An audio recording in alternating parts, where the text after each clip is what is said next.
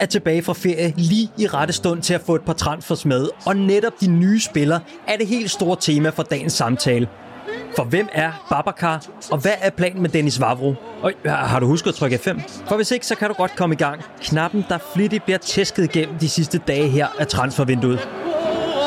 Knaldet smelder fra hver mastetop. Klokken slår, og garden trækker op. København.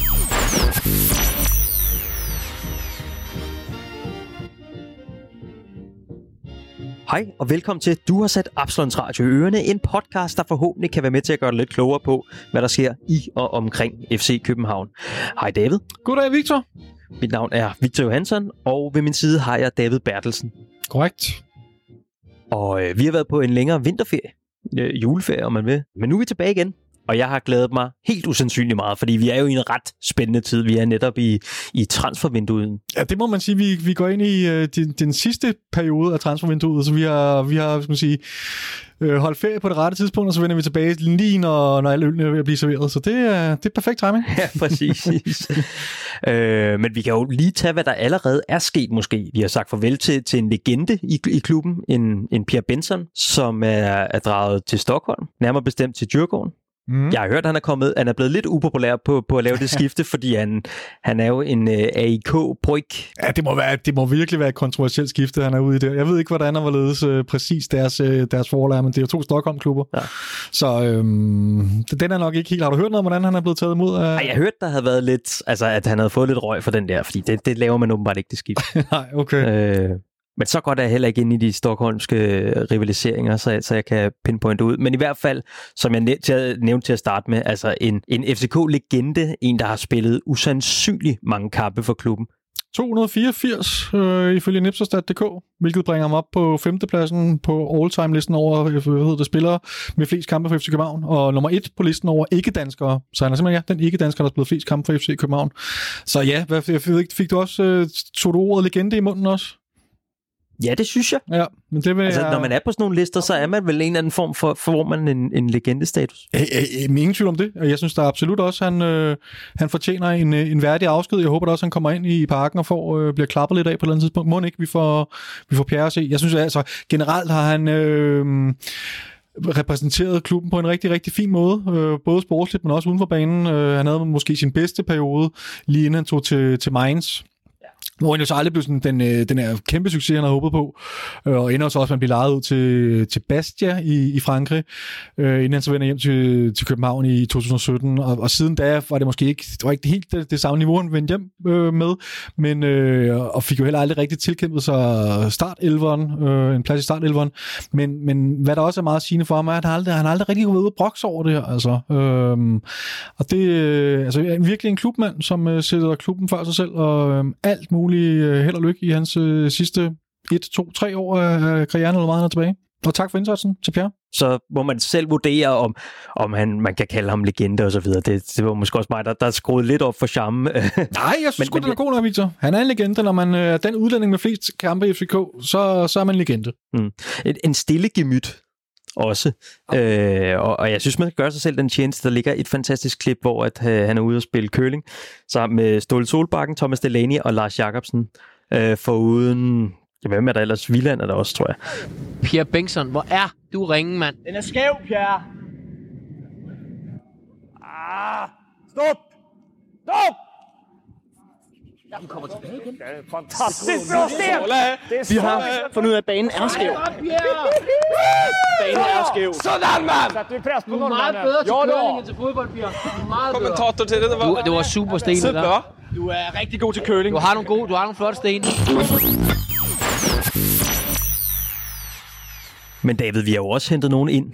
Vi skal byde velkommen til en, en senegaleser. Mm. En høj en af slagsen. Kuma Babakar. Var det en, du kendte på forhånd, inden vi hentede ham? Altså, jeg synes, jeg har stødt på hans navn, men øh, da jeg så begyndte sådan at, at studere ham lidt nærmere, så måtte jeg nok erkende, at det var ikke særlig meget, jeg har set, øh, set til ham. Øh, han har sådan en, der ligget og rumsteret lidt, tror jeg, min bevidsthed, hans navn. Øh, men, øh, men nej, jeg har, jeg har også fulgt en del med italiensk fodbold, så, så jeg tror, det, jeg, har, ja, jeg har nok hørt lidt om ham, dengang han, øh, han for alvor bragede igennem i Fiorentina. Ja, det er det. Det er netop sådan et navn, der har floreret øh, på, på diverse FIFA- og football manager hold sikkert, tror jeg, ude, i- ude i, øh, i landet. Hvis du skulle vælge en sang til Babacar, har du så nogle gode idéer? Du stiller mig altid sådan nogle øh, sangspørgsmål ud af det blå. Øh, nej, hvad, har du, hvad tænker du på, Victor? Du Jeg har tænker på at fyre op for en øh, fransk Gall andet? Ja. med Babacar. Man kan jo med fordel lige sætte den på derude i, øh, i stuerne på YouTube, og så, så øh, prøve at synge lidt med. Jeg synes, det har et omkvæd, der sagtens kunne klinge øh, godt ind i parken, men, øh, okay. men det er der nok nogle andre, der, øh, der tager sig af det der med at finde sange og så videre. Men lad os lige prøve at sætte et par ord på ham her, øh, Babacar, og i den forbindelse, der har jeg taget en snak med øh, en fyr ved navn Emil Olsen, som driver det site, der hedder cabold.dk om Babacar. Tusind tak, fordi du har lyst til at være med. Jamen, øh, mange tak, og det er en fornøjelse at måtte medvirke. Og, og grunden til, at jeg hed fat i dig, det var, fordi du skrev jo den anden dag en, en længere artikel om den, øh, den nye angriber, der er blevet præsenteret for, for et par dage siden i FC København, Koma Babacar. En, en artikel om, hvem, hvem han var, og så tænkte jeg, så må jeg hellere hive fat i dig, for at du kan uddybe det i vores podcast. Først så vil jeg lige høre, hvem, altså hvem er Babacar? Hvis, man, hvis vi starter med det her med danske mediebillede af ham, så hvem er han? Der er han en 28-årig angriber. Så har han den her overskrift, de her øh, 166 sagkampe, Øhm, og så har der, er der så det her tydelige nedfald i hans karriere, eller langsom, hvor, hvor det ikke helt er lykkes. Helt kort sagt, jamen så har vi at gøre med et kæmpe stort talent, som har været uheldig med, med at være meget skadespladet, men også har haft det her, den her tendens, det ikke har på samme måde som for eksempel Balotelli, som er sådan oplagte og historier at sammenligne med, ikke på samme måde den her bad boy image, mm. men lidt mere det her uh, laissez-faire, uh, festglade, uden at skulle gøre mig klog på hans privatliv, men i hvert fald det her lidt usøse noget, som, har, som måske har spændt ben for ham, samtidig med et øh, ja, ulykkeligt øh, skadesudfald øh, udfald, øh, og gentagende gange, og alverdens forskellige skader, som har stået i vejen for ham. Så nu ser du sådan festglad, altså jeg får hurtigt sådan tankerne hen på, altså er det på den her måde en Niklas Bender-agtig måde at, at spille sit talent på, hvis man, hvis man kan sige det sådan? han har ikke på samme måde de her skandaler hængende efter sig, men det er konstant, den der, der er sådan den her diskurs omkring ham med kom for sent til træning. På, på den måde, så, så har der været noget professionalitet, som, som, som kunne måske have, have flyttet ham længere. Lidt ja. ligesom den her historie, som vi har med Mario Balotelli. Er det en spiller, som, som de danske fans måske ikke har øjnene op for, hvor, hvor stort et navn det i virkeligheden er? Ja, det, det, det, det synes jeg, at øh, øh, når, man, når man ser på, på, på spilleren, er det, er, er det faktisk bemærkelsesværdigt, hvor stort et navn han egentlig er. Øh, først og fremmest i en så stor fodboldnation som Italien, men også hvor især tidligere, i tidligere sæsoner, hvis vi går 10 år tilbage, hvor varmt et navn han, han så at sige var. At han så er landet i en alder af 28 år, øh, nogen vil måske øh, stadig sige sin bedste fodboldalder, er, er faktisk ret vanvittigt, øh, hvis, man skulle, hvis man ser på det på den måde. Øh, det er selvfølgelig ikke helt den samme spiller, som man havde ønsket, og som lå til grund for den hype, Og jeg, jeg kan se, at han debuterede som 16-årig for Fiorentina. Det tænker jeg, det er ikke så mange 16-årige, der, der øh, får, får lov til at gøre det. Altså, det er vel også det, der har været med til at skabe hypen for ham, ikke? Hvis vi så går lidt videre måske, øh, hvornår var det første gang, du hørte om Babacar? Var det som 16-årig her? Nej, på, på min personlige, der tror jeg egentlig, jeg har været igennem den samme mølle, som øh, det, det har han været noget, så han dukker op der, og det må have været i 14-15, hvor han har en øh, dukker op i FIFA og øh, øh, Football Manager og sådan noget, efter en 14-15 sæson, som, som, som er en, en, en gennembrudssæson, øh, hvor han kommer tilbage for et succesfuldt lejeophold her i, som 21-22-årig. Første gang viser sin øh, som seniorspiller, som mere eller mindre udviklingsspiller for Fiorentina, hvor, hvor folk på daværende tidspunkt har ventet i de her 4-5 år øh, på ham. Så, så det er der, hvor, hvor jeg bemærker ham først personligt, men han starter jo egentlig sin karriere og sit liv i, i Senegal i hjemlandet, hvor, han garanteret har, har gjort sig meget bemærket, men så i 2008 Nej, 2007 er det så allerede faktisk, at han, øh, han rejser til Pescara, en lille fiskerhavneby i Italien, en lille summerende by med, med en CB-klub tilknyttet, som stort set altid ligger i CB. Det var faktisk på samme tidspunkt en vis øh, Verratti løb rundt, øh, som man nok efterhånden kender.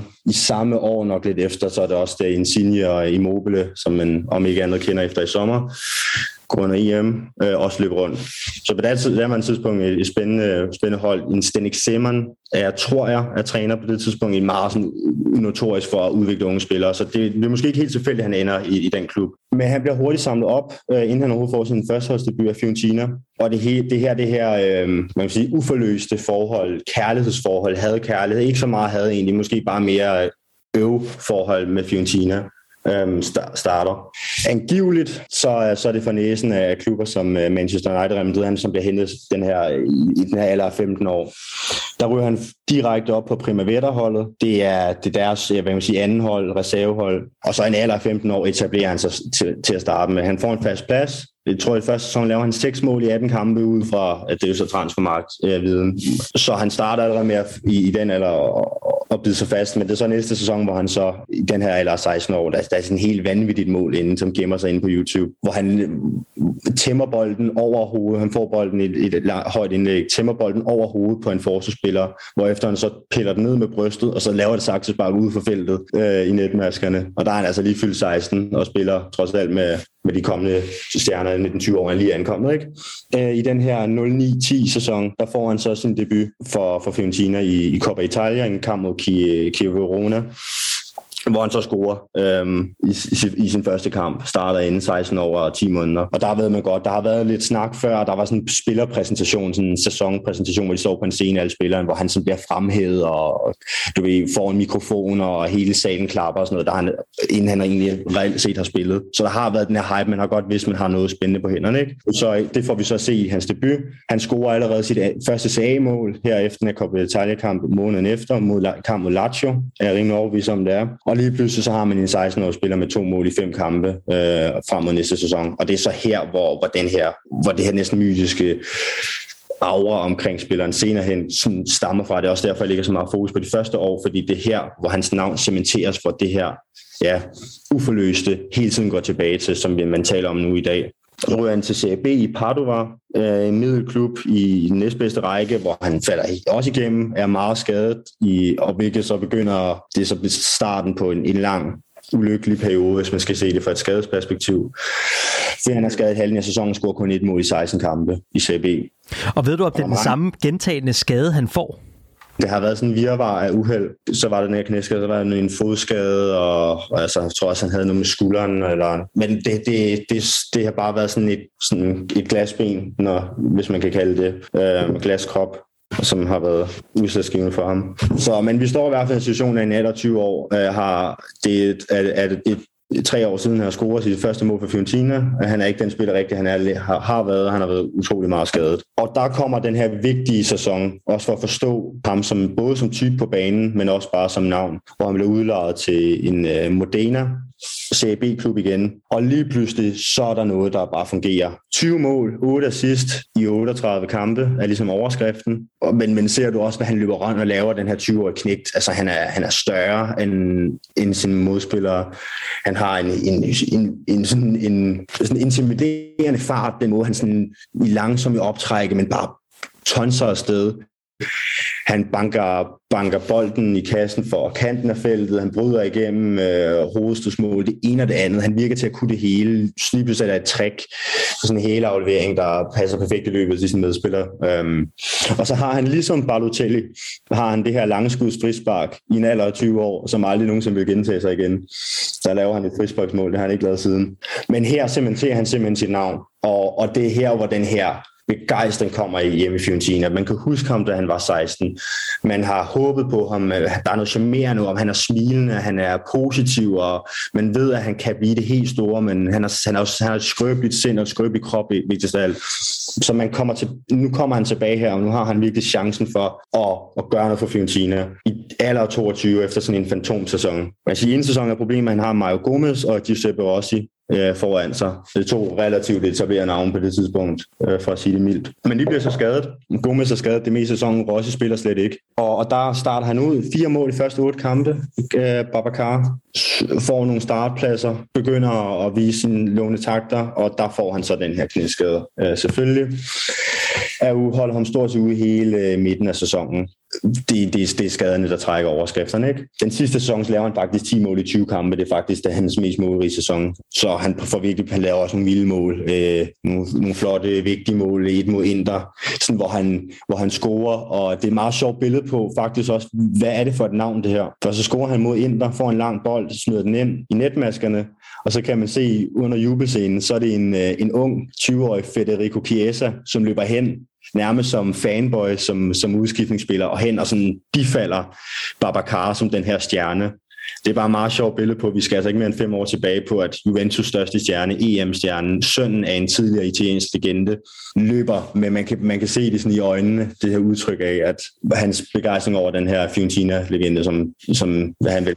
ikke ser op på, det er bare et sjovt billede på det. Så det er den her sæson, han, han har han faktisk udretter nogle, nogle flotte ting. Det er virkelig interessant. Altså, jeg glæder mig så meget til at se. Det, jeg i hvert fald hører fra dig, det er jo, at det er en spiller, der kan begejstre, men måske også en, øh, man har virkelig store forventninger til som fan mm. på den anden side. Altså, at det er en, der han kan godt lide de store kampe. Det lyder i hvert fald som om. Altså, Inter, når de kommer på besøg og så videre, så, så er det der, han byder op til dans og, og lever op og sådan noget. Og det er jo, det er jo spændende, hvad, hvad sådan et navn kommer til at gøre. Sæt det ind i truppen. Øh, mm. Kan vi prøve at dykke lidt ned i, i, hvad er han for en type på banen? Altså, øhm, man, vi kan tage udgangspunkt i hans, øh, hans interview på FCK TV, om han spurgte om, hvem er han på banen. Og der svarer han, han er, han er hurtig, han er stærk, og så, kan han, og så er han god til at skyde. Øh, han kan også godt lide at drible. og det betegner egentlig meget godt, hvem han er som type, fordi han kan egentlig det hele. Han er essensen af en komplet angriber. Men Emil, øh, altså prøv lige at høre. Altså, jeg tænker, hvis jeg spørger enhver fodboldspiller, så vil de sige, at om jeg er hurtig, jeg er god til at skyde til en bold. Ja, og, det altså. det. Der, der, der ligger også en, hvad vil sige, en, en punchline i det, fordi på papir er han nemlig den her perfekte angriber. Han er, han er lynhurtig, han er brølstærk, han, kan, han har et, et, et, et, et vidunderligt spark, øhm, dygtig på bolden øhm, og, og kreativ. Øhm, og han har alle de her kompetencer, men øhm, men hvis vi skal gå hen og, være, og, og kigge på, hvad, hvorfor er det så, at den her spiller ikke er en af de, historiens bedste fodboldspillere, fordi det har han nemlig udgangspunkt for. Øhm, det helt åbenlyse er selvfølgelig skaderne har, har været konsekvenser for hans spil, men på banen, der har han noget uskarphed. Det, det er svært at definere, er, er, det, er, det måde, er, det, er, det hans, er det nerver i forbindelse med afslutningsøjeblikket? Er det, er det, er det simpelthen manglende kvalitet i hans sådan det tekniske aspekt i at sparke, fordi der er han egentlig rimelig udviklet. Det er svært at forklare, men han brænder mange chancer, øhm, og det er mange forskellige chancer. Så det, øhm, det, der mangler noget kynisme af en art? Det er ikke nogen kyniske spiller, vi har. Det har det aldrig været. Laver nogle helt vanvittige. Det er også et, et fremragende spark. Han har næsten ikke set en person spark fra den vinkel, og så på den måde i, for en. Den er også inde i den her kompilering inden for FCK TV, hvor han banker den over lægger ind og sådan noget. Men der var, vi ser bare også i, hvis bare med ser helt normalt, de her uh, compilations, friløber, som bliver brændt. Uh, han får en frispiller, han er fri for mål, og afslutningen er skæv, eller mangler lige noget. noget den er, det er ikke resolut. Um, så det, det er sådan helt åbenlyst, at, at han mangler noget, noget skarphed, eksekverer de chancer, han, han kommer i. Men kan det handle simpelthen om, at han ikke har fået kontinuerlig spilletid? Altså, i, i en vis portion år nærmest nu her, fordi at han øh, har været hændet af skader, af nyindkøb, øh, at han ikke har måske fået nok tillid fra trænere? Jeg vil sige, men med moralsk tillid har han altid haft, hvis man skal dele tilliden op. Han, øh, han har altid været har jeg indtryk af, at han har, han har blevet troet på, at han har fået de spil, han kunne, men der er selvfølgelig de her skader har, har, har gjort, at han ikke har fået den her, måske føle sig komfortabel i afslutningsøjeblikket, og det her, den her følelse kun angriber kender til, hvor man føler, at, man, at bolden ryger ind, når man sparker til den, fordi det har man gjort i, i den forgangne uge, og, og måske endda midt ugen. Øhm, den her selvtillid forbundet med det, som han har i sit, i sit udtryk, men måske ikke i afslutningsøjeblikket, hvilket faktisk er to helt forskellige ting som fodboldspiller. Så, så er der noget med, med udfald i kampene, Øhm, det er svært, det skal man også sidde og se mange af hans kampe i 90 minutter for, at kunne, for selv at kunne berette om, men det er det her, der går igen for journalister. Hvad går galt med den her, med de her kompetencer? Og det, det gennemgående er, at han kan falde ud af kampene. Du mangler et mål, det, det er nu, det hele gælder. Og lige pludselig, hvor er Babacar? Han, han, er ikke, han er ikke spillet. Han dasker rundt og gør sig ikke spilbar, eller er ikke spilbar, eller, eller får ikke brugt bolden til noget. Så de her udsving, så det er både det, det uregelmæssige, øh, det svingende i, i præstationerne per 90 minutter, Og så er der også en, en ting, han er, han er en flagrende spiller, lidt ligesom Jonas Vind, og han kan godt lide tricks og nogle, og nogle driblinger. Har også nogle, han, har sådan, han har øh, haft lavet et par Panenka-mål stort til hver klub, han har været i. Ikke flere end det. Man laver lige den ene der, det elsker han. Men det går også lidt ud over hans spil, man kan sige lidt mere konkret. Der er mange driblinger, som man måske skulle have taget. Han tager måske manden i stedet for at spille øh, den fremadstående højre kant, der, der står fuldstændig fri i kontraen. Og generelt, øh, så, så der er det her, det her inert, det her øh, positive, optimistiske øh, legesyge, går også ud over det, man kan sige, det effektive i hans spil. Så, så der er noget inkonsekvent, der er, nu, der, er noget, øh, der er noget humørspiller over ham, og så er der også det her, øh, de her måske, de her for mange chancer, selvfølgelig det, de uregelmæssige i hans spilletid, som har været gennemgående for hele hans karriere. Undtagen den ene øh, sæson i Modena, hvor han spiller fuld tid, hvor han er elsket, og hvor han får alt de minutter, han nu kan, og der blomstrer han. Så det er også derfor, at, at jeg, jeg på FCK-fans vejen kan være positiv, fordi hvis vi kan give ham de her, i Danmark kan give ham de her 35 kampe, og, og den her Damendøj-status, og det her, den her varme omkring ham, kunne man både forvente og ønske og håbe på, på at se noget af det samme fra, fra 13-14. Emil, synes du, det er et godt køb af FC København der? Det synes jeg. Jeg, jeg, jeg har ikke, øh, jeg ved faktisk ikke med løn. Ved man, ved man hvad han får i løn? Jeg, jeg har ikke øh, stødt på noget. Øh, men, men lad mig lige, altså jeg synes, du har talt ham lidt ned. Altså, hvad, ja. hvad, hvad er det så, han kan? men det er fordi, man, øh, der, er åbenlyst noget, der er gået galt, siden, han, siden det ikke er blevet til mere. Så det, det, jeg synes, det er det her, man er nødt til at have med, fordi der er nogle åbenlyse, det, det, det er så åbenlyst, hvad han er god til, og hvis vi skal se det, så er han jo den her komplette nummer 9. Man kan sige, at han, han, er, han er en hurtig spiller, og især når han kommer op af fart, antrittet måske ikke lige så hurtigt, så er han, så er han øh, stærk og også god til at bruge sin fysik. Og så er det den her måde, han også kan, han, han deltager i spillet på. Altså han er en, opstil, en, en klassisk opspilstation, hvor du kan, kan spille den op på ham, og hvor han bruger sin fysik og, og lægger den af, og gerne med en helaflevering også ved, en gang imellem. I, gør så også i de, i de snævre driblinger, trækker ud på kanten og udfordrer, og har, har også relativt mange assists på, på, på sit CV. Så har han den her x-faktor i sit spark, nu har vi snart kommet ind på, er måske ikke den skarpeste angriber, men han har et, et fænomenalt spark udefra andre tilfælde flere gange i Sassuolo. Han, han, han har det her langskud, som gør, viser sig igen og igen og igen, som er virkelig fantastisk faktisk. Øhm, også bare fra et underholdningsperspektiv. Øhm, og så er han faktisk øh, relativt farlig i, i feltet. Det er han både i CA og CB og, og egentlig også i, i Super League. Betyder det noget for Babacar, om han har en, en angrebsmakker? Altså nu, nu jeg sad og kiggede lidt igennem hans, øh, hans forskellige sæsoner, og øh, det ligner lidt, at, at han trives bedre i tomandsangreb, så at sige, altså når han har nogen at, at lege med derop. Øh, er, er det det samme, du ser? Ja, både som type. Øhm, man kan sige, han spillede faktisk primært som ene angriber i Tyrkiet, men der gik det jo heller ikke helt, øh, måske så godt som hans evner er, er i stand til. Nej, der så jeg også, at han endte helt ude på kanten, altså spillede sådan nogle, ja. øh, sådan nogle wings.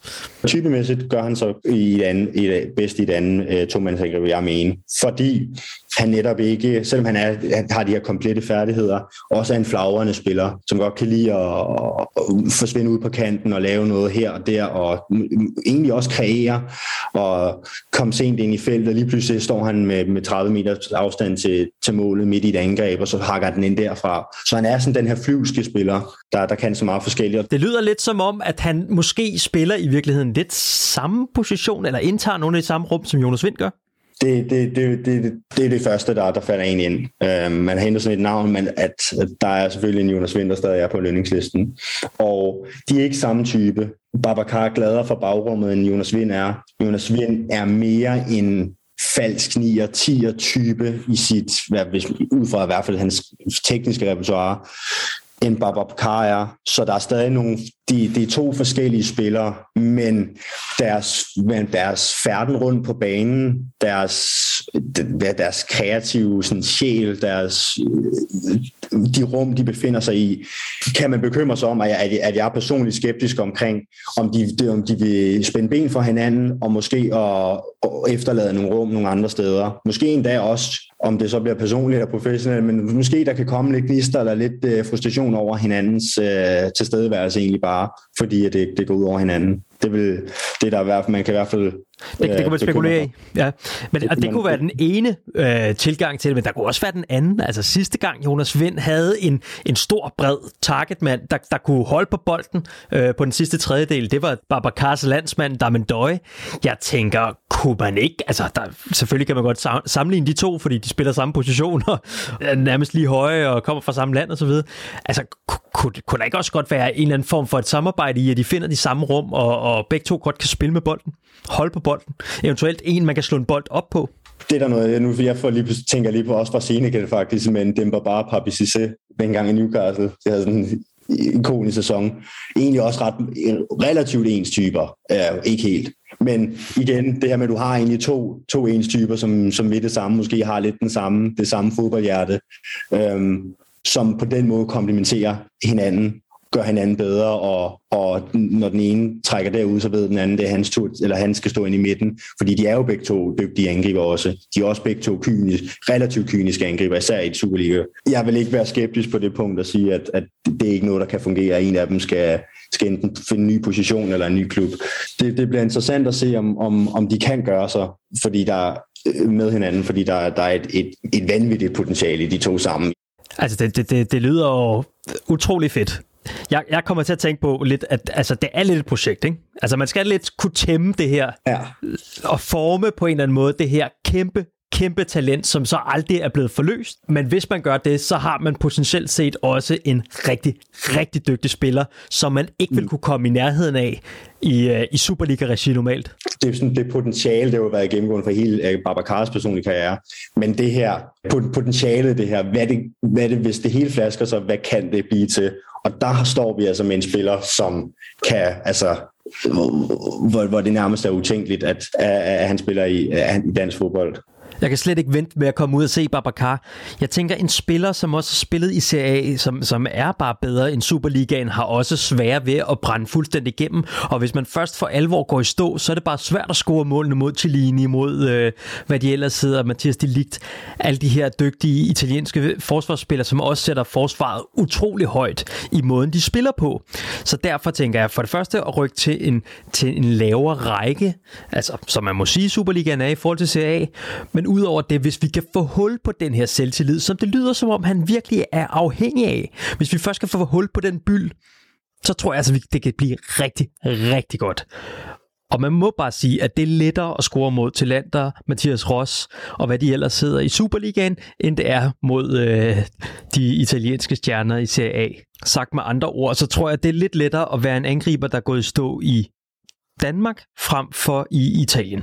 Nu hvor jeg lige har dig her, øh, så er det i dag her mandag, hvor vi sidder og optager, blevet offentliggjort, at øh, FCK henter Dennis Vavro på en lejeaftale frem til sommer. Ja. Og nu hvor jeg har dig, så skulle jeg være et skarn, hvis jeg ikke lige spurgte dig kort ind til, øh, til Dennis Vavro.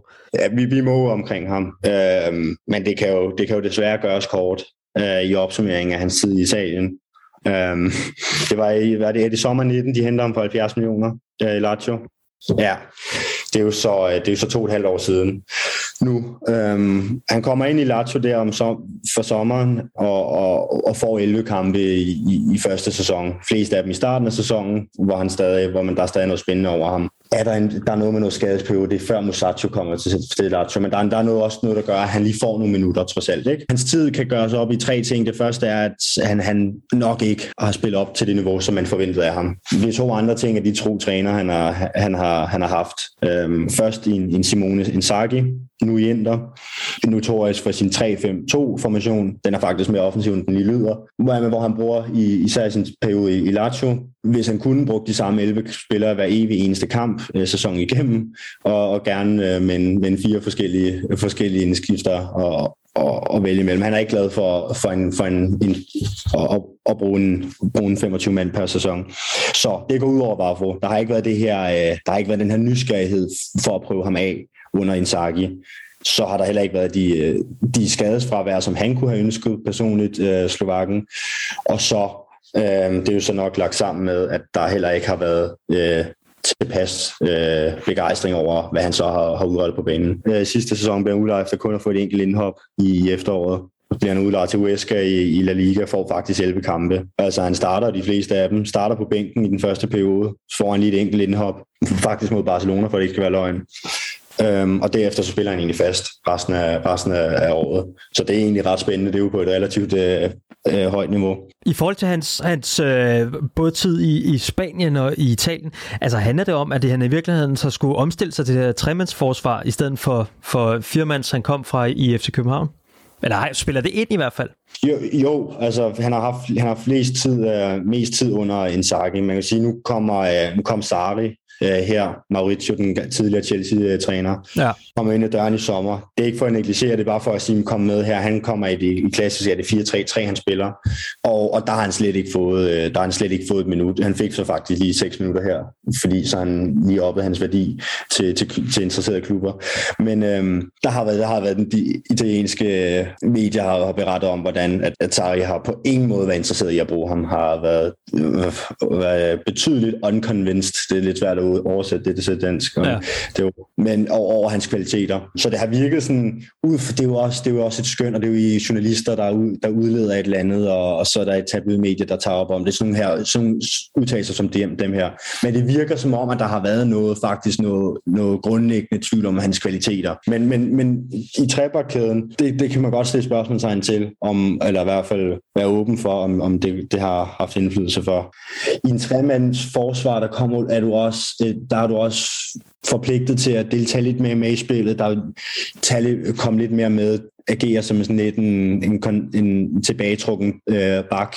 Det, det er ikke der, især ikke på CA-niveau. Der er det ikke der, Vafro er, har sine styrker, og han har hverken, hvad man siger, status eller, eller kvalitet i forhold til for eksempel en Acerbi, en, øh, en meget erfaren italiensk landsholdsspiller, som spiller ind i, sådan, i hjertet af forsvaret. Der har han ikke derfor havde han ikke mulighed for at spille derinde i midten, hvor han måske vil gøre sig bedre, tage de hårde dueller, overlade det, det, det tekniske til sine konkurrenter. Så der har været noget, noget også noget taktisk-teknisk, som har gjort, at, at, at han havde dårlige forudsætninger for at udrette noget.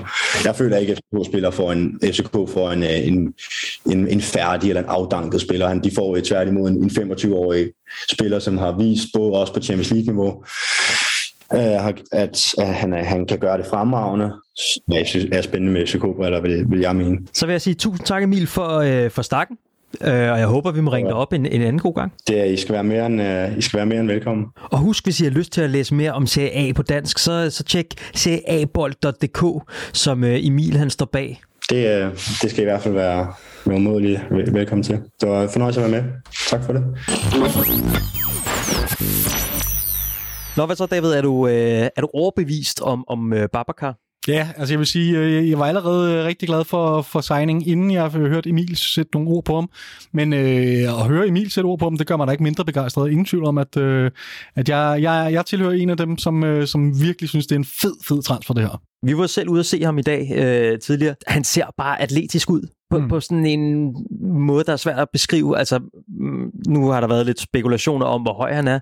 Jeg tror, at i dag fik jeg nogenlunde en lille bekræftelse om, at han er omkring de 1,85 høj. Han stod ved siden af Kamil Vilcek, øh, og, og de var nogenlunde samme højde. Måske var Babacar lidt højere, men han, altså, han ligner meget mere en eller anden. Han ser mere atletisk ud. Yes, ja, jeg forstår 100% hvad du mener. Men han havde så lidt svært ved at ramme målet. Ja, det, det var ikke hans heldigste dag. Og, og det klip, som FCK TV har lagt ud med hans øh, lop der, det var måske noget af det, der gik altså sådan rigtig godt, ikke? Øhm, men det er måske lidt hårdt at dømme Babacar ud fra en træningsøvelse på, på en lille times tid. Men, men det var fedt at være derude og se og, øh, ham, og, og øh, også et, et smil på derude, ikke? Der virkede til at være god stemning.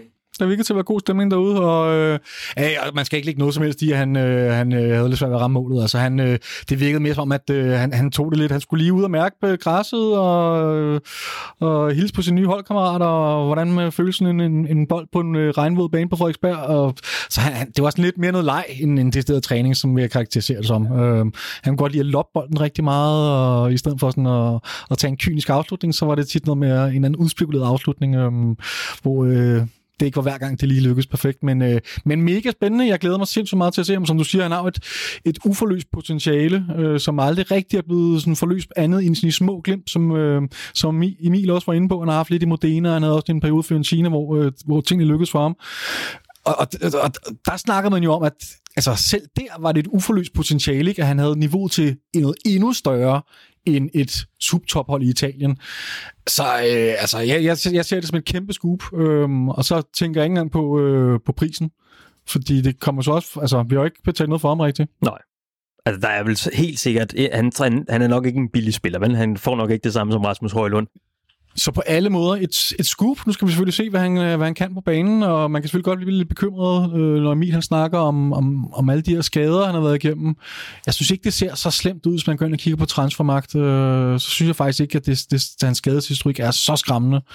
Og så er der så det her med, med det mentale aspekt, som Emil også er inde på, om, altså, at det er det, som ligesom har gjort, at han aldrig rigtig for alvor er braget igennem på, på en højere hylde. Det er, at han måske har sådan været en lille smule sløset, eller han har det her med at komme, lidt, komme ofte for sent til træning, og han har måske ikke mentaliteten øh, til at altså, være den her iskolde afslutter, der bare pum, sætter den ind hver gang.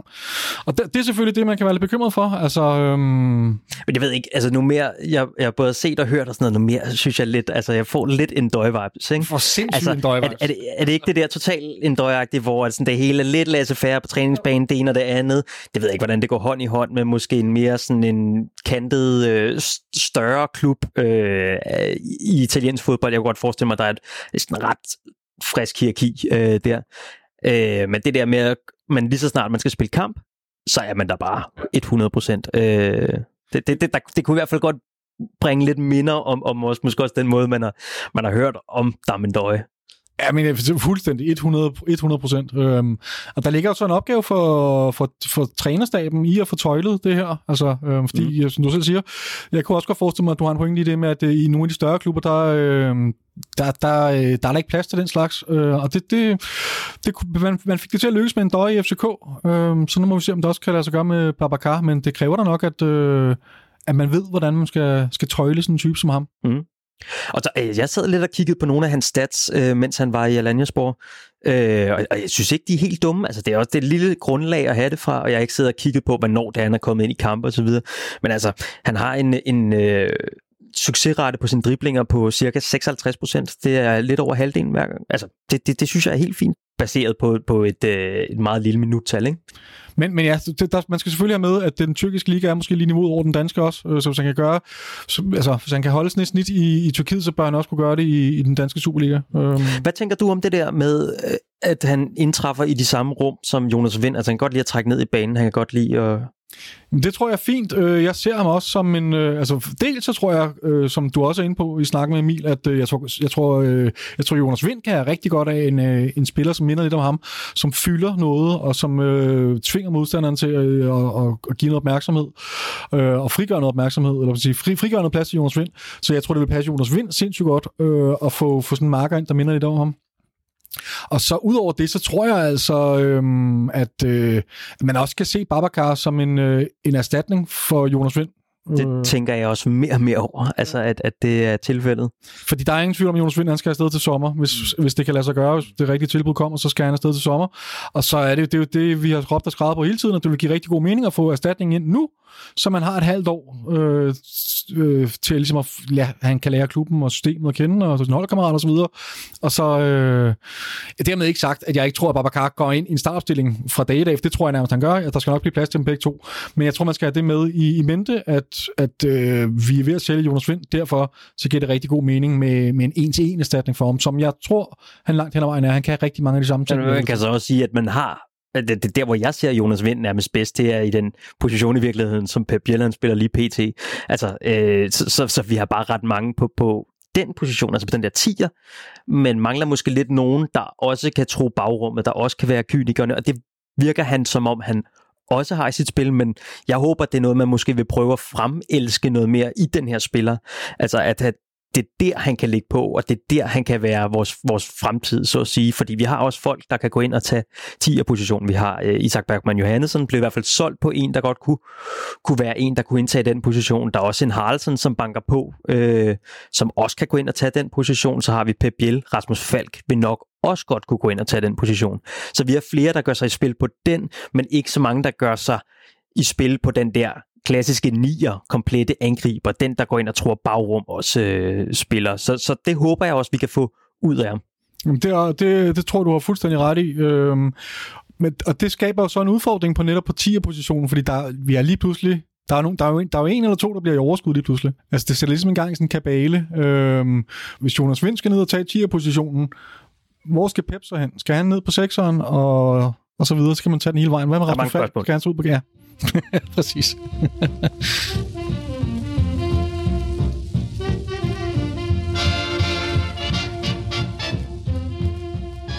David, vi har jo også fået en anden spiller, Øh, som ja. vi kender rimelig godt. Vi har nemlig øh, for et par dage siden blev det offentliggjort, at øh, vi leger Dennis Favro på en øh, 6 måneder lejeaftale her frem til sommer. Til stor begejstring for rigtig mange i det københavnske fanmiljø, kan man fornemme. Og Dennis Favro selv, så du den der video, da han blev præsenteret? Det er så fedt. Han virkede så glad. Jeg har aldrig set en, der vil altså, så gerne i gang og så gerne spille for, for, for sit hold. Og, og noget, vi bliver nødt til også at berette om fra, fra dagens træning i dag, det var, det var stort set den samme spiller, man så. Altså den der glæde. Nej, det, han var, det var dagens oplevelse til træning. Det var Dennis Vavro. Han gav sig 120 procent. Han var sig, så på. hættede væk og gjorde ved. Altså, jeg tror, han er bare klar til at gå ind og løfte FC København igen. Han er, han er virkelig... Der er ingen tvivl, når han siger, at, øh, han er kommet hjem, så mener han det. Han, han er så glad for at være tilbage i den her by, og det der interview er fantastisk inde på FCK TV. Hvis man ikke har set det, så gå ind og se det, fordi det er rigtigt. Han, han minder om en, øh, en lille knæk, der lige har fået sin Playstation juleaften, og øh, lige skal sige tak, inden han må gå ind og spille på den, eller sådan et eller andet. Ja. Ikke? Altså, han, han kan slet ikke vente med at komme i gang. Ja. Øh, det, det, er bare, det er for fedt. Det er jo så fedt. Altså, det, det, det kan man jo ikke stå for som fan, når der er en spiller, som kommer og egentlig udviser de samme følelser for klubben som, som en selv. Så kæmpe stort velkommen til, til Dennis. Så bliver det spændende at se, hvad der så sker dernede. Ja. Og det kan jo bringe os måske lidt frem til, til den her stopperkabalen. Altså, fordi hvad skal der ske hernede? Jeg var jo lidt inde på det i interviewet sammen med, øh, med Emil Olsen. Altså, hvad, hvad, hvad, hvad der gjorde i hvert fald, at Vavro han røg videre. Øh, og- eller hvad der måske kunne være med til, at han røg videre. David, hvad tænker du, der kommer til at ske? Hvem er vores startelver? Øh, og, øh, ja, jeg tror ikke, man ændrer på noget øh, i den defensive konstellation her i starten, fordi det fungerede så godt. Altså, vi var suverænt det hold, der lukkede færre mål ind. Nu man, har, man har endelig fået stabiliseret defensiven, Mm. øh, til forskel fra forrige sæson, hvor det sejlede. Så det vil, være, det vil være mærkeligt at gå ind og begynde at, at lave uro i den konstellation, der fungerer så godt. Vafro skal også lige lære sine nye holdkammerater at kende. Jeg ved godt, at han kender klubben, men det er trods alt ikke øh, så forfærdeligt mange på, i startelveren, han har spillet sammen med. Så, så jeg tror, han, han må lige starte med at tage plads på, på bænken. Hvad, hvad tænker du? Jeg tænker faktisk det samme, som du siger. Men det kommer jo an på, hvor langt Bøjlesen er. Jeg har lidt mm. En fornemmelse af, at man måske ikke tror, han er så langt, som, som han burde være. Øh, men der er heldigvis noget tid til sæsonen går i gang, kan man sige. Præcis, og jeg tror måske i de kommende, altså når det er, at vi tager til Portugal, der får vi en bedre fornemmelse af, hvem det er, der kommer til at udgøre den her, det her stopperpar. Øh, men det er jo lidt bemærkelsesværdigt, at vi i øh, Dennis Vavro ligesom får en, en, en spiller, som minder meget om, øh, om Krutulava. Altså en virkelig fysisk øh, monster dernede. Prøv at forestille dig de to sammen. Altså det, det er lige før, det bliver for, hvad hedder sådan noget, øh, dørmændagtigt. Ja, jo. Jamen, jeg har forestillet mig den tanke rigtig mange gange her i løbet af de sidste par dage, fordi det er, det er helt overdrevet med to så fysisk stærke spillere. Øh, jeg, kan godt være, jeg kan godt være lidt bekymret for, øh, hvad skal vi sige, øh, at der mangler noget, noget boldspilleri dernede. Så. Øh, og udover det, så, så er Nikolaj Bøjlesen øh, ikke en mand, man kan sætte af i mine øjne. Han er, han er anfører PT, øh, og, øh, og har også spillet en rigtig, rigtig fin efterårssæson, især med tanke på, hvor mange skader han slid med. Så han, jeg, jeg, jeg kan ikke forestille mig, at han- man sætter ham af. Altså, øh, så han, han skal der, han, ham skal der ligesom være plads til, og det samme som kan man sige om Kutsulava. Øh, så den er svær, men jo, det er jo fuldstændig vanvittigt at forestille sig de to sammen i et forsvar. Øh, men vi skal jo nok få masser af lejlighed for at se det. Altså, der er både karantæner og skader, og jeg tænker, Bøjlesen kan jo også vikariere på vensterbakken, mm. hvis øh, Victor Christiansen går ud med en skade eller noget karantæne. Så øh, vi skal jo nok få lov til at se det. Altså, og så, så er det jo så op til Vavro at vise, at han er den altså, han skal være til, hedder det, være blandt startelveren. Jeg tror, det er sundt på alle mulige ledere med, med den konkurrence der. Det tror jeg, du har ret i.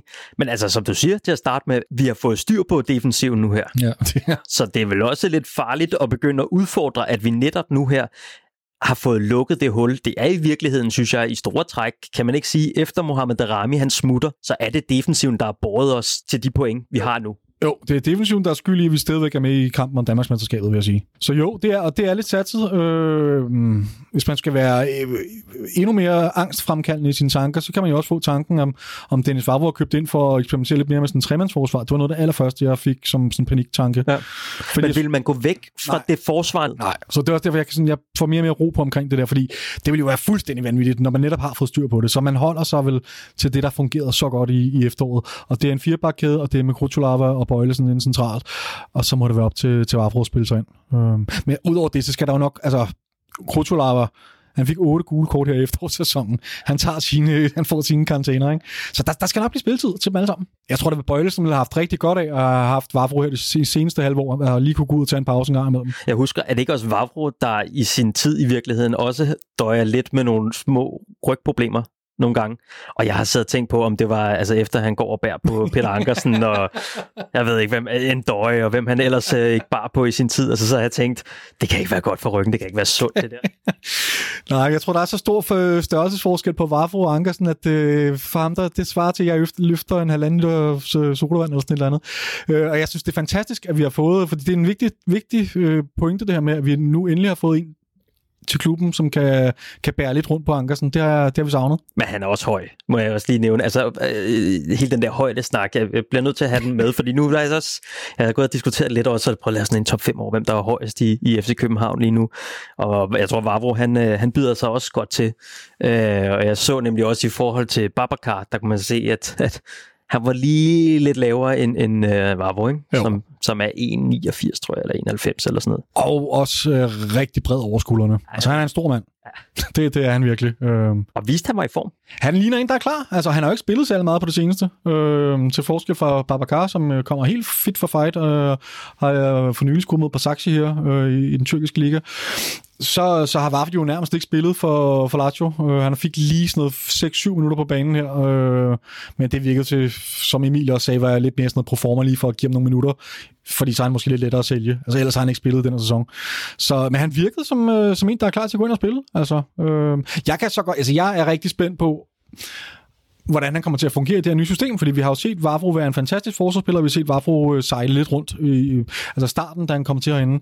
Han skulle virkelig lige lære øh, de nye principper at kende, øh, og så blev han vanvittigt god. Ja, jeg håber, at, øh, at, øh, at trænerteamet, de kan, de kan skole ham, og, og, og Bøjlesen, eller hvem han nu kommer til at spille sammen med, de kan få, få guidet ham på rette vej. Jeg synes i høj grad, der hvor han tog sådan en, en eksplosiv udvikling i FC København, det var da han lærte engelsk. Altså det virkede som om, lige pludselig begyndte han at give mindre tv-interviews, men stadig give tv-interviews, og det virkede som om, at det gjorde en kæmpe forskel, både for at han blev integreret ordentligt i truppen, men også for at, øh, at sikkert at kommunikere med sine medspillere, når man er på banen, tænker jeg. Ja. Lad mig lige høre, tror du med den her lejeaftale ind af, af Dennis Vavro, at vi i langt mindre grad synes, at det er vigtigt i Jes Torups system at have en, en boldspillende forsvarsspiller?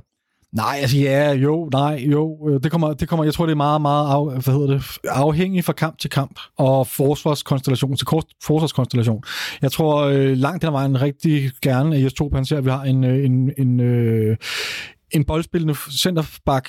Bare fordi man har en boldspillende centerback, betyder det jo ikke, at du ikke kan have en, en, øh, en sekser, som går ned og sætter spillet. Altså, det, Men vi har jo nemlig set det der, som du siger, altså at vi har en, en, en sekser i form af enten Pep Biel eller Rasmus Falk, som har været med ned og bygge spillet op fra fase 1 af. Øh, og og det kan jo netop godt der kan man jo godt argumentere lidt for, at de går ind og overtager den, lidt den rolle, i hvert fald i opbygningsspillet, som en meget boldspillende øh, stopper Jo, vil men, gøre. ja, helt klart, men jeg synes heller ikke, vi- det er jo ikke, fordi vi har spillet med en eller anden form for en libero eller sådan noget, altså en øh, decideret øh, playmaker. Men min pointe er lidt, at det gør ikke noget, at selvom man ikke skal sætte spillet nede fra den position, gør det ikke noget, at man kan tage fire på, fire på foden og, sådan, og lige have noget teknik. Og sådan nogle, altså, en god boldføling gør sig jo også gældende i øh, pressede situationer rent defensivt. Det handler jo ikke kun om øh, et opbyggende spil.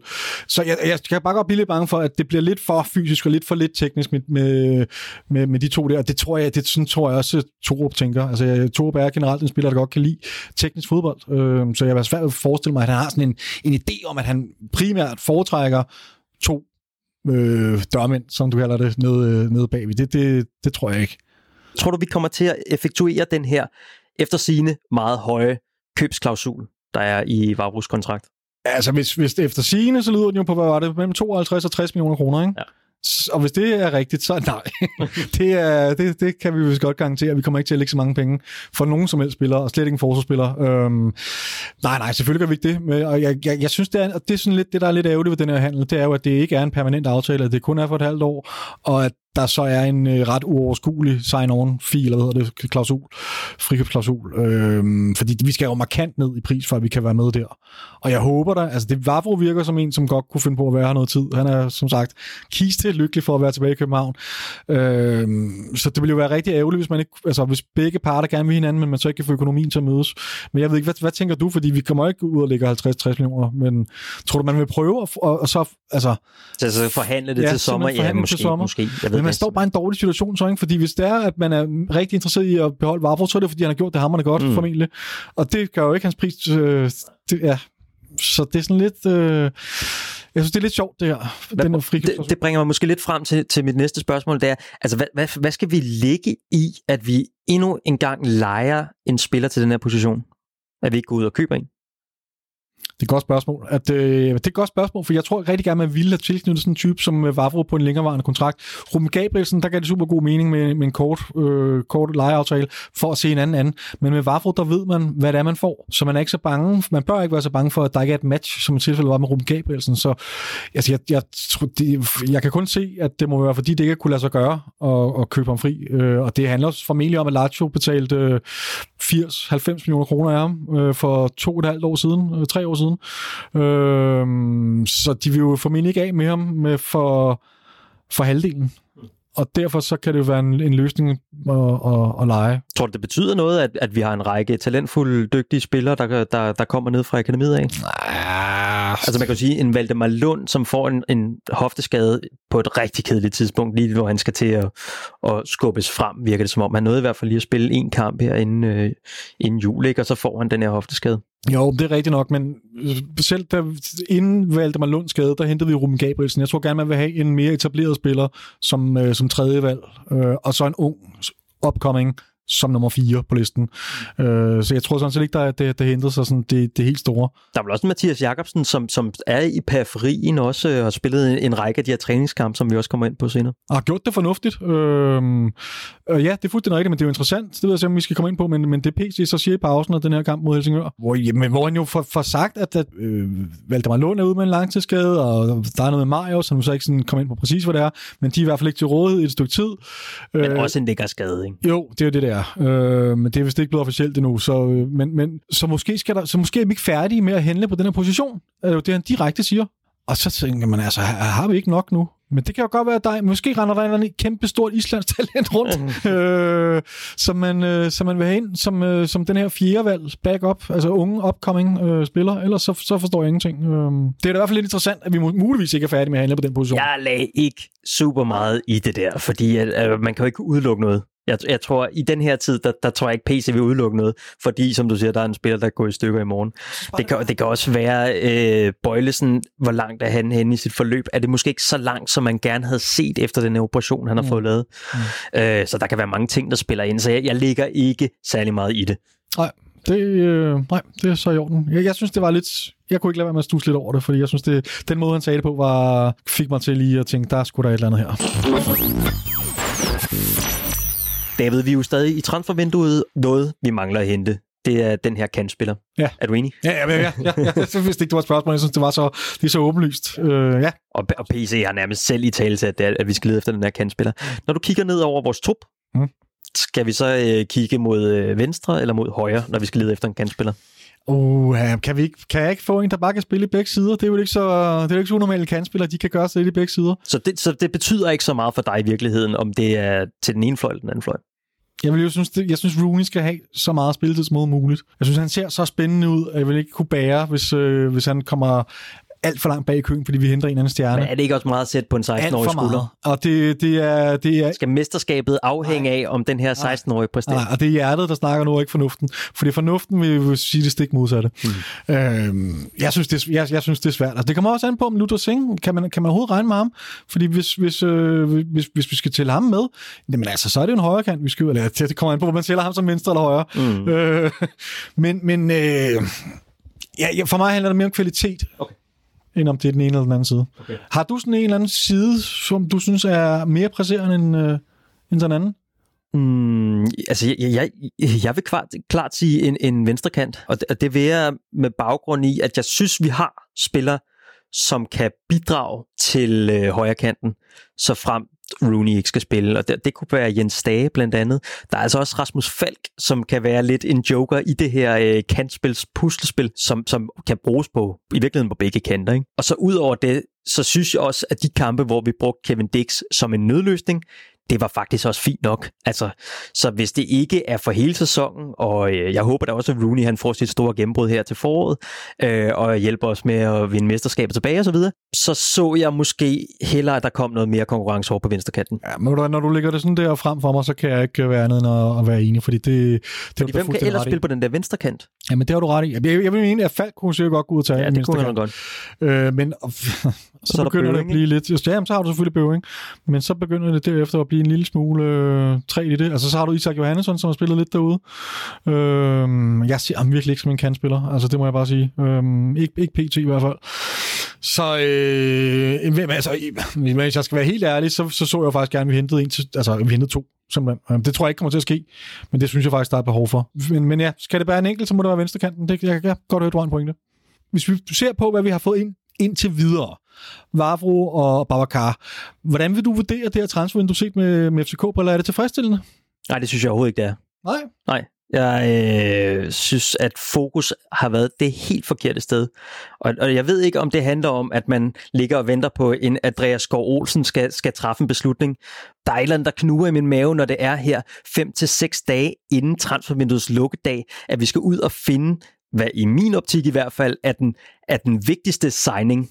Altså det er ikke fordi, at jeg har noget imod hverken Vavro eller Babacar, men jeg synes bare, at det er risikabelt i hvert fald, at den spiller, som, som skal være utrolig vigtig i løbet af den her sæson, han skal hentes de sidste 5 til seks dage. Altså, og, og det var det samme i sommers. Der synes jeg også, at den vigtigste spiller, det var i virkeligheden den der kantspiller Og der glippede det jo. der glippede det. Det er den frygt, jeg sidder med her, og det er også derfor, jeg ikke synes, det er godkendt på nogen måde.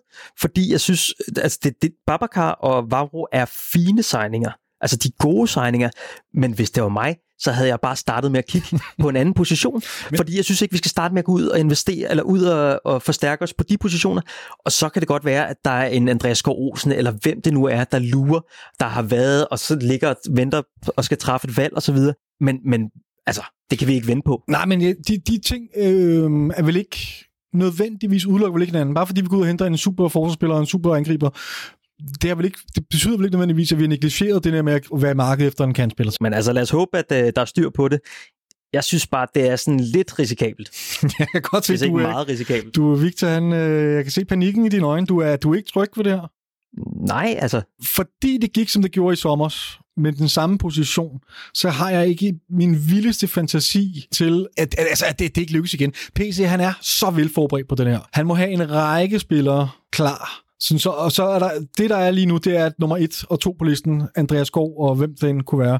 Der, det, det, det er ikke afklaret nu. Men hvis det er, de går i vasken, så er han, så er han klar, så sidder han med fingeren på start. der er ikke særlig, særlig stor sandsynlighed for, at, at Andreas Gårdsen kommer til FC Nej, nej, men det, skal da, men det skal da undersøges. Altså, selvfølgelig skal det da undersøges, og så længe der er en mulighed, så skal han jo gå ud og hente noget andet. Og så det øjeblik, det der spændende bliver så det øjeblik, hvor øh, det så bliver endeligt, at øh, første og anden prioriteten, det ikke lader sig gøre, så skal han jo bare være fuldstændig klar med den her tredje prioritet. Altså, mm. øh, og det, det, det, det, det skal han, det må han være. Det må han bare være. Øh, men jeg kan da godt følge dig. Jeg kan da også godt begynde at blive lidt urolig, men øh, der må komme et eller andet. Jeg tror, at denne her gang, der vælger man så at sige ja til nummer 8-9 på listen. Altså, så henter vi, øh, Det skal man. hvad hedder vores gut fra Vejle? Allan Sousa. Så henter vi Allan Ej, Sousa. det, det, ja, det, det tror jeg så dog ikke. Men, men, men, Ja, men jeg, forstår, jeg forstår din, din uh, tankegang. Men det er også det, jeg mener, at det skal ske så sent i vinduet, gør det også bare, at det bliver endnu mere risikabelt. Ja, ja helt sikkert. Det er, Altså, og, og når jeg sidder og kigger på de andre positioner, vi har, altså det, det er bare ikke til angrebspositionen. Jeg synes bare ikke, det er der, hvor vi mangler noget. Og, og hvis du sidder og kigger, så det er jo defensiven, det blev vi enige om i starten af programmet her, det er defensiven, der har båret alle de her point til os. Mm. Det er defensiven, der har sørget for, at vi har de point, vi har nu. Så bliver vi bare nødt til at hjælpe offensiven, for det kan ikke bare afhænge af Jonas Vind og Pep Biel. Og selvfølgelig William Bøving, han skal nok komme. Men jeg synes også, det, altså, det er for meget ansvar at lægge på en 18-årig spiller, at det er ham, der skal præstere for, at vi kan vinde mesterskabet. Ja, men jeg synes, jeg synes jeg bare, øh, at det er lige tidligt nok måske. Øh, fordi der er, den her kritik er jo fuldt berettet, hvis, der ikke, hvis det ikke lykkes. Men hvis det lykkes, så er alting jo en skønneste orden. Ja, det, det, der, der kommer noget ind, Victor. Mm. kommer noget ind. Jeg håber virkelig, at der kommer noget ind. Jeg håber, man har en plan. Hvis der ikke kommer noget ind, så, vil jeg, så er jeg på dit hold, så, så er det jo ikke øh, godkendt, og så har man, så har man prioriteret forkert. Jeg synes du ikke også, man trækker den lige til, til det sidste? Jo, men, det, jeg, men jeg tror da ikke, det er noget, man gør bevidst. Man ville da rigtig gerne have lukket det her for 14 dage siden. Ja. Øh, men, øh, men der er nogle spillere, der, der ikke kan finde ud af at tage en beslutning, fordi de bliver præsenteret for alt muligt. Øh, kedelige beslutninger i Belgien, og jeg ved ikke hvad. Så det, det skal lige på plads først. Jeg kan så bare blive bekymret for, hvad, hvad, hvad er kvaliteten på nummer 4, 5, 6 på listen, hvis det er, mm. det ikke lykkes. Mm. Øh, fordi Men det må man også forberede sig bedre på den her gang. man har eddermame med haft tiden. Der er, ikke, der er ingen undskyldninger. Og ja, tiden begynder at rende ud. Altså. Men jeg vil sige, jeg var betydeligt mere nervøs for en uge siden, hvor vi hverken havde hentet øh, det ene eller det andet. Så, så det, du siger i virkeligheden, David, ikke, det er, at jeg skal væbne mig med tålmodighed, fordi at de store, lækre frugter, ja. det tager altså tid at kravle op i træet og hente dem. Præcis. Det, det, det er den, jeg det er skal... lige præcis den, du skal have i baghovedet. Og det er kun lige, øh, hvad sagde du, 5-6 dage nu. 5-6 søvnløse nætter endnu, og så, så bliver det helt godt. Så tålmodighed.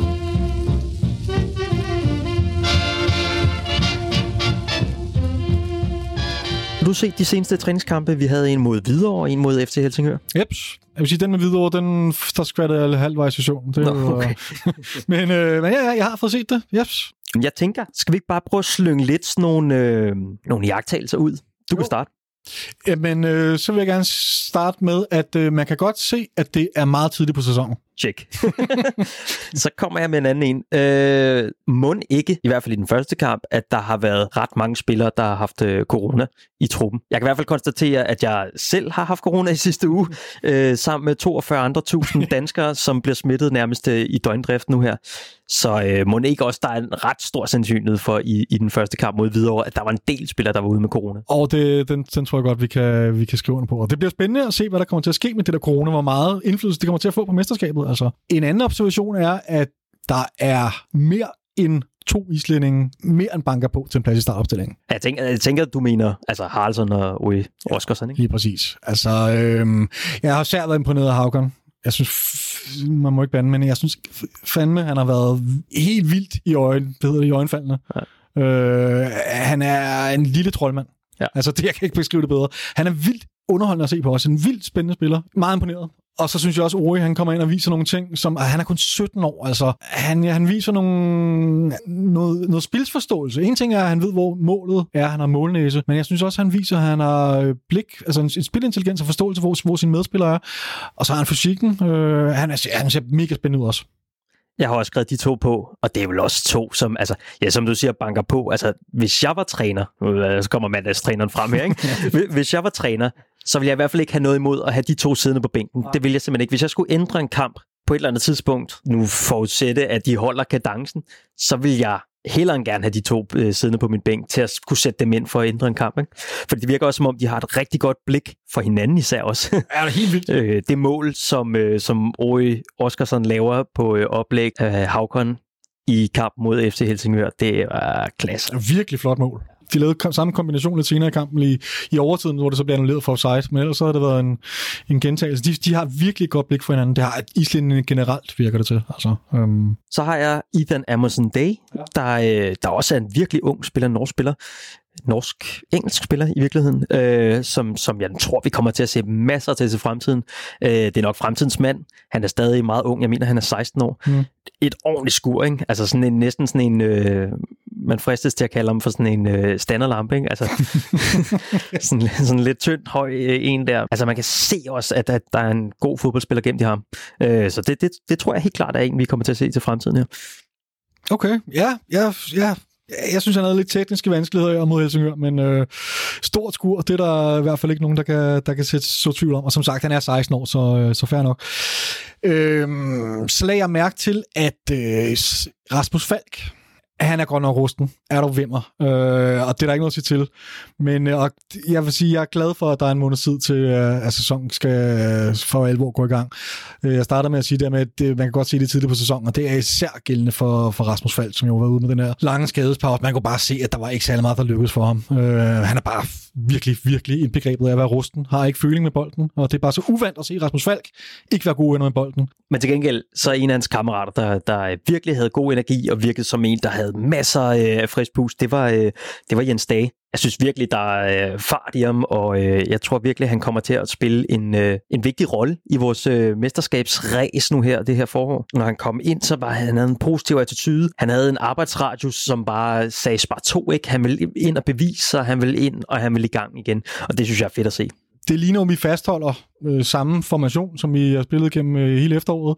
Og øh, så har man så prøvet lidt forskellige konstellationer på kanterne. Sikkert også primært, fordi vi har været ret... Altså, det har ikke været alle mænd, der har været klar i de forskellige kampe. Øh, jeg lader mig for eksempel mærke til, at vi spiller med Isak og øh, øh, Højlund på hver sin kant her mod Helsingør. Og så var der et tidspunkt i løbet af kampen, hvor man bytter rundt på de, på, på de to. Øh, men, øh, men sådan udgangspositionerne er de fuldstændig samme, som man har set i efteråret. Ikke at det er de store overraskelser, men øh, ja, vi fortsætter, hvor vi, hvor vi slap. Og så vil jeg have en, øh, en sidste ting med. Det var Markus Daminic. Et øh, glædeligt gensyn. Jeg var ude på træningsanlægget for to uger siden, har jeg lyst til at sige. I hvert fald en af de første træninger i, i det nye år her. Øh, og, og det var bidende koldt. Jeg havde taget sådan en stor, kæmpe dunjakke på, sådan en øh, PC-dunjakke på, ikke? så jeg rigtig kunne holde varme, men jeg frøs stadig. Altså, voldsomt meget. Og hvem kommer så lundende i shorts? Dog ikke bare arme, men altså det er lige før. Det gør Markus Daminic, der kommer fra New Zealand. Og jeg, jeg vil bare sige, de australier, jeg har kendt, hver gang de kommer til Danmark, også selvom det var i juni eller sådan noget, de havde, de frøs, frøs. og frøs og frøs. Og nu ved jeg godt, der er forskel på Australien og New Zealand, men jeg tænker, at der er nogenlunde samme klima i hvert fald. Og så kommer det her øh, store, øh, sådan, øh, med lækker kulør skur der, ikke? Ja. løbende. Bare i shorts, det, det, det synes jeg var vildt. Han har taget det danske klima godt til sig. Det må man sige.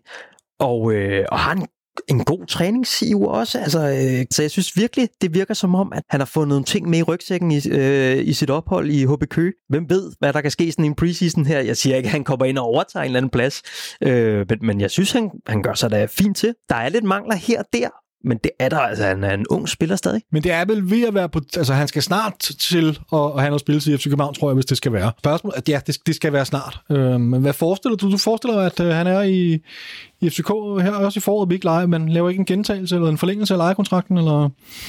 Jeg ved det ikke. Altså det, jeg tror, det, det har i hvert fald sundt for ham at få mm. regelmæssig øh, tid på et, på et første hold.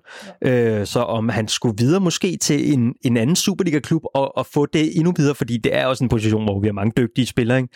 Altså vi har også en, en Lukas Leaer. Ja, han kommer nok ikke til at slå Lukas Leaer af som en reserve til, til midten. Øh, Rasmus Falk har vi også, vi har også Jens Dage og så videre, så videre. Ikke? Så vi har masser, der byder sig til på den position. Øh, Ja, det er vel nærmest... Øh... Ja, det, kunne godt tyde på, ikke? At, at det er en spiller, som skulle lejes ud igen. Jeg synes allerede, han ser, han ligner i hvert fald en, der er klar til at tage, tage en kamp op. Du har ikke givet op på, på den gode Staminic nu i hvert fald? Ja, det troede jeg i virkeligheden, jeg havde, men, men øh, jeg synes, han har øh, taget kampen op og viser gode takter. Spændende at se, hvad, hvad der bliver af Staminic i løbet af, af foråret. Så er der ikke mere tilbage at sige andet end øh, tak, fordi jeg lyttede med. Og øh, vi lyttes ved på næste onsdag, hvor vi øh, sender endnu en gang, og så begynder vi så småt. Lad os se, om vi ikke kan holde den kørende. Skal vi ikke, David? jo, vi, vi, vi ser, om det ikke kan lade sig gøre. Så på onsdag må der i hvert fald være rigeligt at snakke Der er i hvert fald masser af ting at snakke om øh, nu her med transfervindue og øh, rygter og det ene og det andet, tredje, det fjerde. Ja, så tager de snart så tager de til Portugal, så kan vi snakke lidt om de træningskampe, der foregår dernede, og hvordan gør Babacar det, og ja, jo, det, det, vi skal nok holde den kørende. Det bliver skide godt.